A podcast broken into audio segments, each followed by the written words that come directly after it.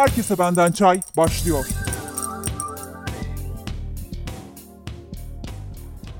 Merhaba herkese. Ben Habibe Altıntaş. Herkese benden çay podcast'ine hoş geldiniz. Ben genellikle podcast programlarımda başıma gelen şeyleri, yaşadığım, tecrübe ettiğim, gördüğüm, bildiğim, okuduğum vesaire şeyleri paylaşmaya çalışıyorum. Bu seferki yayında araştırdığım, aklımı çok karıştıran bir bilgiyi paylaşacağım. Aslında bu podcast'i biraz da kendim için çekiyorum, itiraf ediyorum. Ben IELTS hakkında çok fazla araştırma yaptım. Nasıl çalışılırmış, nasıl bir sınavmış, neymiş filan diye. Sonra bu bilgileri böyle küçük küçük notlar şeklinde yazdım ve işin içinden çıkamadım çünkü çok fazla araştırma yaptım. Dedim ki madem öyle ben kendi sesimle bunların hepsini tek bir yerde toplasam. Yani hepsini tek bir kağıda geçirmek yerine tek bir ses dosyasına geçirmeyi tercih ediyorum. Öncelikle IELTS ile ilgili bundan sonra bir program daha yapacağım. Bugünkü programda genel olarak IELTS nedir, nasıldır, türleri nedir vesaire genel çerçeve ile ilgili bilgi vererek IELTS sınavı ile ilgili genel taktiklerden bahsedeceğim. Az önce de dediğim gibi bu sınava ben hazırlanmadım. Hazırlanan kişilerin verdiği tiyolar, işte şöyle yapın, öyle yapın, böyle edin dedikleri şeylerin hepsini ben tek bir yerde topladım. Bunları size aktaracağım aslında. Herkesin taktiği kendine. Herkes buradan kendine göre olanı seçer, beğenir, alır, uygular. Beni ilgilendirmez. Bu dediğim diğer devam programı olan IELTS podcast'inde ise IELTS'in bölümleri hakkında, her bir bölüm hakkında da özel taktikler var. Onları ayrı bir podcast'te toplayacağım. Çünkü onlar gerçekten ayrı bir konu başlığı şeklinde onlarla ilgili de aldığım çok fazla not olduğu için dedim ki onları ben en iyisi ayırayım.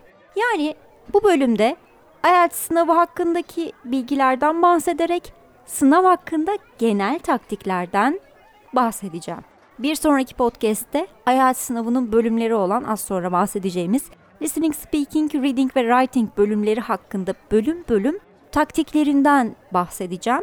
Onlarla ilgili içeriklerden daha detaylı bahsetmiş olacağım. O zaman başlayalım. Herkese benden çay.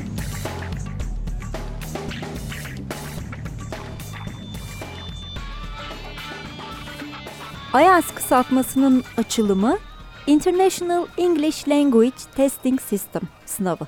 Genellikle bu sınav İngilizcenin kullanıldığı ülkelerde çalışmak için, eğitim almak için, göçmenlik için vesaire kullanılan bir sınav. Dünyada bu şekilde uygulanan iki tip sınav var. Biri IELTS, diğeri TOEFL. TOEFL biraz daha Amerika menşeili bir sınav olduğundan Amerika'ya gidişlerde, Amerika ile ilgili işlerde daha çok karşımıza çıkıyor. Ancak Amerika dışındaki ülkelerde IELTS'in geçerliliği oldukça yaygın. Ki ülkemizde de oldukça yaygın olmaya başladı. Ülkemizde de pek çok kurum IELTS'in geçerliliğini kabul ediyor, üniversiteler kabul ediyor, şirketler, işler, iş başvuruları sırasında kabul görmeye başladı. IELTS Birleşik Krallık Cambridge Üniversitesi, British Council ve Avustralya'nın ortak olarak gerçekleştirdiği bir sınav. Ülkemizde de bu sınavı yapan iki kurum var. Biri British Council, diğeri IDP Türkiye adı verilen bir kurum. Bu arada IELTS Amerika'da da geçerliliği var tabii ki. Birleşik Krallık'ta zaten en çok kullanılan sınav türü, kabul gören sınav türü demek lazım. Yeni Zelanda, İrlanda gibi ülkelerde eğitim ve iş için özellikle talep edilen bir sınav. Ülkemizde de yalnızca üniversitede akademisyenlik için ya da yüksek lisans gibi başvurular sırasında değil, aynı zamanda hazırlıktan muaf olmak için bile kullanabileceğiniz kadar neredeyse her üniversitenin artık kabul ettiği, geçerli gördüğü bir sınav. IELTS sınavının iki türü var. Akademik ve general olmak üzere. Bu iki türden bağımsız şekilde her iki tür sınavda da dört bölüm yer alıyor. Bunlar dinleme, okuma, yazma ve konuşma bölümleri. Katılımcı bu bölümün her birinden ayrı ayrı not alır ki bu da bir sınav notunu oluşturur. Her beceri, her bölüm 1 ile 9 arasında puan alır ve en sonunda 4 becerinin puan ortalaması IELTS skorunu oluşturur ki bu da 9 üzerinden hesaplanmış olur. Evet biraz farklı bir sınav puanı geçerliliği söz konusu. Gelelim akademik IELTS ve General IELTS denen türlerine. Akademik IELTS adı üstünde daha çok eğitimle ilgili başvurularda kullanılan, geçerliliği olan sınav türüdür. General IELTS yani genel IELTS sınavı ise daha çok çalışma başvurularında ya da göçmen olarak başvuracağınız yerlerde, iş için başvuracağınız şirketlerde geçerliliği olan, kabul gören sınav türüdür. Şimdi bu iki sınav türünde dinleme ve konuşma bölümleri ortak. Tamamen aynı tarzda sorular çıkıyor. Yalnızca okuma ve yazma bölümleri spesifik olarak birbirinden ayrılır. Akademik hayat sınavında daha çok okuma bölümünde eğitimle alakalı biraz daha yoğun akademik terimlerin geçtiği, bilimsel terimlerin geçtiği parçalara, bölümlere yer verilir. Genel hayat sınavında ise biraz daha böyle genel, daha az akademik, daha çok e, günlük yaşamda rastlayabileceğiniz terimlere, sözcüklere yer verilir. Yazma bölümünde yine aynı olay geçerli.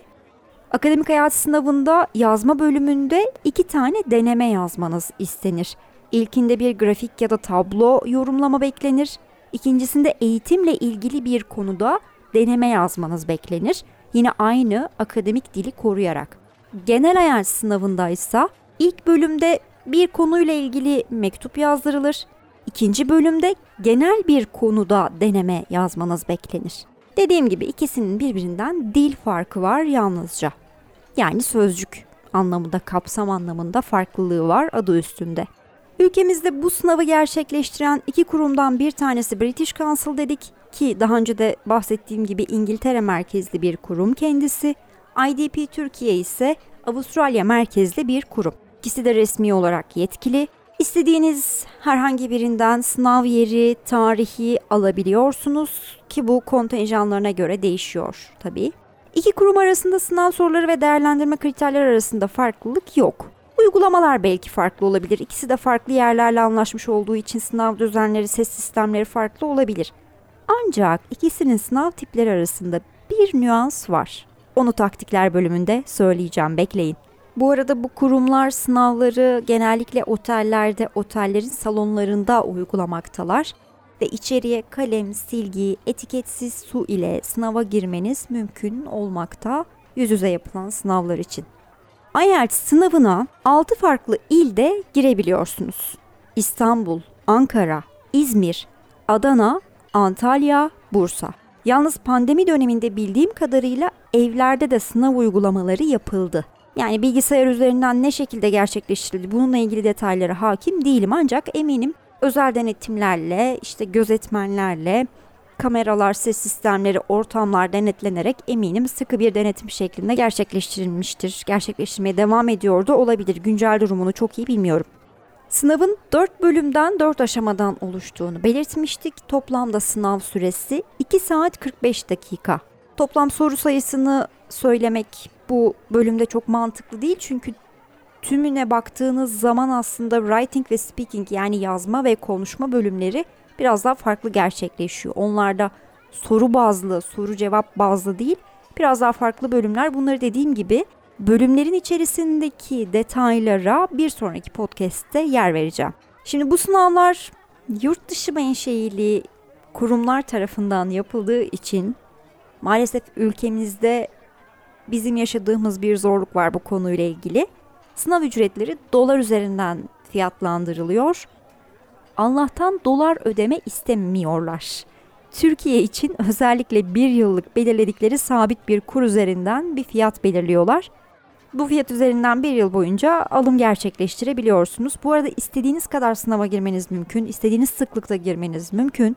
Yani boş yer buldukça ki bu arada baktığınız zaman birkaç haftada bir sürekli sanıyorum her hafta sonuydu hatta pandemi araya girmeden önce farklı illerde mutlaka sınav uygulamaları yapıyorlardı. Parasını ver, istediğin kadar gir yani kısacası.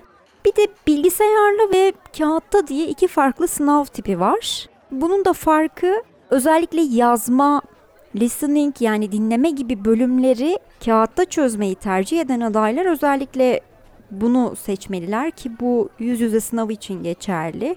Uzaktan online olarak uygulanan sınavlarda bu imkan tabii ki söz konusu değil. Herkes bilgisayarlı sınavı kullanmak zorunda kalıyor bu durumda. Bu biraz kişiye bağlı, kişi nasıl rahat ediyorsa ona bağlı alacağı bir sınav tipi aslında. Siz sınavı seçmek istediğinizde almaya doğru gittiğiniz zaman web sitesinde sizi yönlendiriyor bu konuda. IDP Türkiye'nin ya da British Council'ın web sayfaları üzerinden sınavı almanız mümkün ve IELTS sınavının bir geçerlilik süresi var. O da 2 yıl. Siz bir sınav puanı aldınız. Bu puanla başvurabileceğiniz yerler için sınav puanınızı 2 yıl boyunca kullanabilirsiniz. Sınav sonuçları için kağıt ve kalemle yapılan sınavlar yazılı olarak yapıldığı için okunması biraz daha uzmanların eline ulaştırılıp işte incelenip daha sonra açıklanması 13 gün gibi bir süre alıyor. Ancak online olarak bilgisayar üzerinden yapılan sınavlar bir hafta içerisinde genelde açıklanıyor. Sınavla ilgili genel olarak verebileceğim bilgiler bunlar benim. Daha farklı sınava başvuran, başvurmak üzere olan kişilerin başına geldiğinde tabii daha farklı sorular olabilir akıllarında ama genel çerçeve itibariyle sınav böyle bir sınav. Dilerseniz taktiklere geçelim. Herkese benden çay.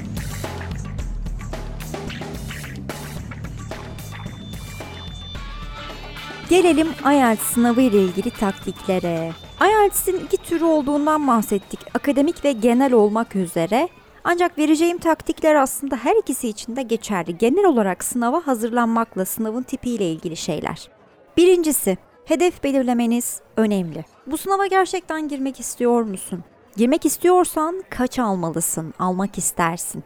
Başvuracağın özellikle bir kurum bir yer varsa onun belirlediği zaten IELTS için bir puan sınırı barajı olabilir. Sen buna dönük çalışırsan senin için daha iyi olur. Ama yok ben bir puan alayım elimde bulunsun bir yerlere başvururum diyorsan bence en az 7 almalısın. 6-6,5 barajı olan yerler de var ama 7-7,5 olan yerler de var. 7 alırsan en azından en az daha çok geçerliliği olması mümkün. 9 üzerinden 7. İkinci olarak diyelim böyle bir hedef koydun, puan hedefi koydun. O zaman ben kaç soruda nasıl bir sınav yaparsam bu puanı alabilirim. Kendine bununla ilgili rota çizmen lazım. Bu senin aslında sıfır noktasından nereye varacağını belirler. Böylelikle kendine bir plan hazırlayabilirsin. Üçüncü taktik, sıfır hata yapana kadar kurşun kalemle yeniden yeniden yeniden çözmek. Yani hatalarının üstüne gitmek. Yanlışlarını anlamak, yanlışlarının özellikle üstüne gitmek, kendi eksikliğini fark etmek. Ki bu başlangıç noktasında olan bir kişi bunu genellikle lise, lisede üniversite sınavına hazırlanan bireyler de yaparlar. Hani sınava hazırlanacakları son yıl oturup bir sıfırdan bir deneme sınavı çözerler mesela. Önce bir seviyeleri belirlenir. Ondan sonra buna göre bir yıl boyunca hazırlanırlar. Aynı şeyi sen kendin için de uygulayabilirsin bence bu durumda. İlk başta bir deneme sınavı çözersen daha sonra seviyeni belirleyip buna göre çalışma şeklini belirleyebilirsin.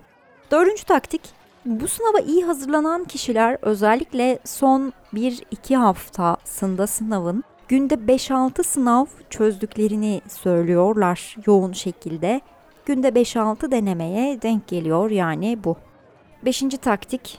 Yani burada bahsedeceğim taktikler işte diğer sınav tipleri için de uygulanabilir taktikler aslında. Çok da aman aman taktikler gelmeyebilir bazıları size. Siz arasından dediğim gibi kendinize uygun olanı seçin. Beşinci taktik kendine planlar koyduktan sonra bunları ödüllerle zevkli bir hale getirmek. Kafamız haliyle bizim böyle ceza ve ödül mantığıyla çalışıyor. E, ceza vererek kendinizi soğutmaktansa ödüllerle biraz daha teşvikler kazandırabilirsiniz. Altıncı taktik, bu podcast'in başında söylemiştim. Okuduğum bir şey var, bunu birden fazla kaynakta okudum. Tecrübe eden kişilerin söylediği British Council'ın IDP Türkiye'den biraz daha, bir tık daha kolay, kullanışlı, daha Türkiye'ye uygun sınavlar yaptığı yönünde. O yüzden daha çok British Council'ı tercih etmeniz önerilmekte. Ben tecrübelilerin yalancısıyım, ben bilmem. İkisinin de sınav ücreti aynı sonuçta ama biraz daha tarzlarının farklı olduğu British Council'ın daha çok tercih edilmesi gerektiğini söyleyenler var. Yedincisi, kendine İngilizce ile ilgili farklı uygulamalar edinmelisin. Telefonuna uygulamalar kurmalısın. Bunlar Cambly olabilir, Antidotes, Kindle, BBC News, bir not alma uygulaması olabilir Evernote gibi ya da ozdich.com gibi bir web sitesi olabilir. Bunlar seni destekleyen şeyler. Ayrıca en çok tercih edilen uygulamalardan bir tanesi de podcast uygulaması. İngilizce podcastler dinlemek, daha böyle Audible uygulamaları, belki sesli kitaplar olabilir İngilizce olarak. Yani İngilizce kaynak anlamında dinleyebileceğiniz çok fazla şey var zaten dünyada geçerli olduğu için. Ayrıca IELTS özelinde oluşturulmuş pek çok İngilizce podcast yayın olduğunu da söylemeliyim. 8. taktik Dediğim gibi e, biraz Cambridge İngiltere menşeili olduğu için IELTS sınavı IELTS sınavını yaratan Cambridge Üniversitesi'nin kendi kaynaklarından özellikle bu sınava çalışmanın çok faydalı olduğunu okudum. Yine aynı şekilde IELTS baskılı direkt yayının IELTS olduğu kaynaklar da var. Özellikle bu kaynaklardan çalışmak taktik anlamında sınava hazırlanmak anlamında çok faydalı imiş.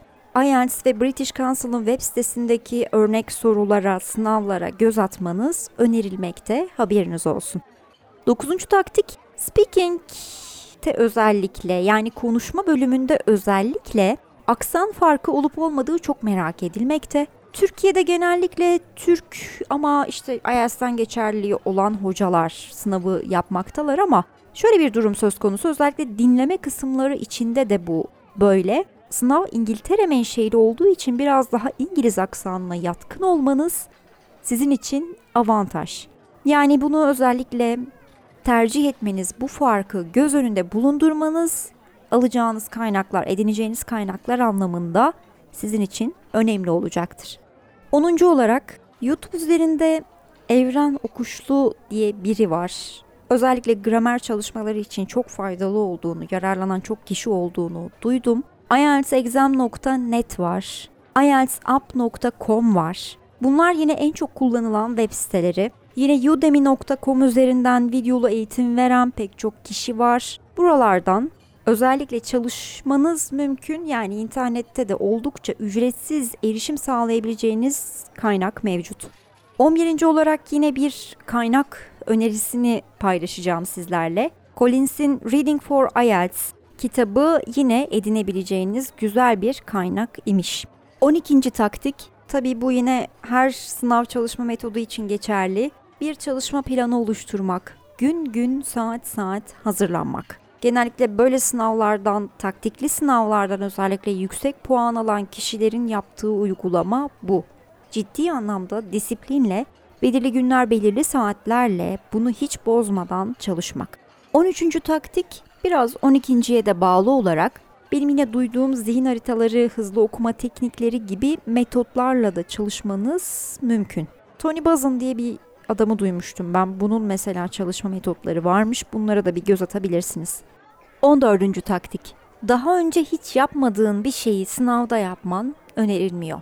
Özellikle konuşma sınavı sırasında ya da işte sen sınavla ilgili belli bir akış belirledin, kafanda bir şeyler var, soruları çözme stilin var vesaire. Bunları sınav sırasında değiştirmen önerilmiyor. Elinin ayağının dolandığı bir noktada panik yaparak çünkü her şeyi karıştırman ve daha kötü bir hale getirmen mümkün olabilir. Ve son olarak 15. Sınava girdiğin zaman aklındaki kalıpları eğer yazabiliyorsan bir kenara yazmak özellikle konuşma sınavı ya da yazma sınavında bilhassa önemli. İşte giriş kısmında neler söylersin, gelişme kısmında, sonuç kısmında neler söylersin. Bunlarla ilgili belli kalıplar varsa aklında hemen not etmen en başta aklındayken ya da belki ilk girdiğin zaman çok heyecanlısın da aklında hiçbir şey yok. 10 dakika sonra sakinleşmeye başladın, aklına gelmeye başladı. O anda hemen bir yerlere geldikçe not etmen faydalı olur. Evet, sınavla ilgili genel olarak benim araştırdığım, okuduğum taktikler bunlardı. Sınavın bölümleriyle ilgili bölüm bölüm taktikler var dediğim gibi. Bunları ayrıca bir sonraki podcast'te toplayacağım, ayrı ayrı bahsedeceğim. Şimdilik bu kadar. Ki bir sonraki podcast'i biraz daha detay meraklıları, bu sınava hazırlanma yolunda olanlar ya da hazırlanmayı planlayan kişiler daha çok dinleyebilirler. Instagram ve Twitter'daki kullanıcı adım uydur uydur koy. Görüşmek üzere. Herkese benden çay sona erdi.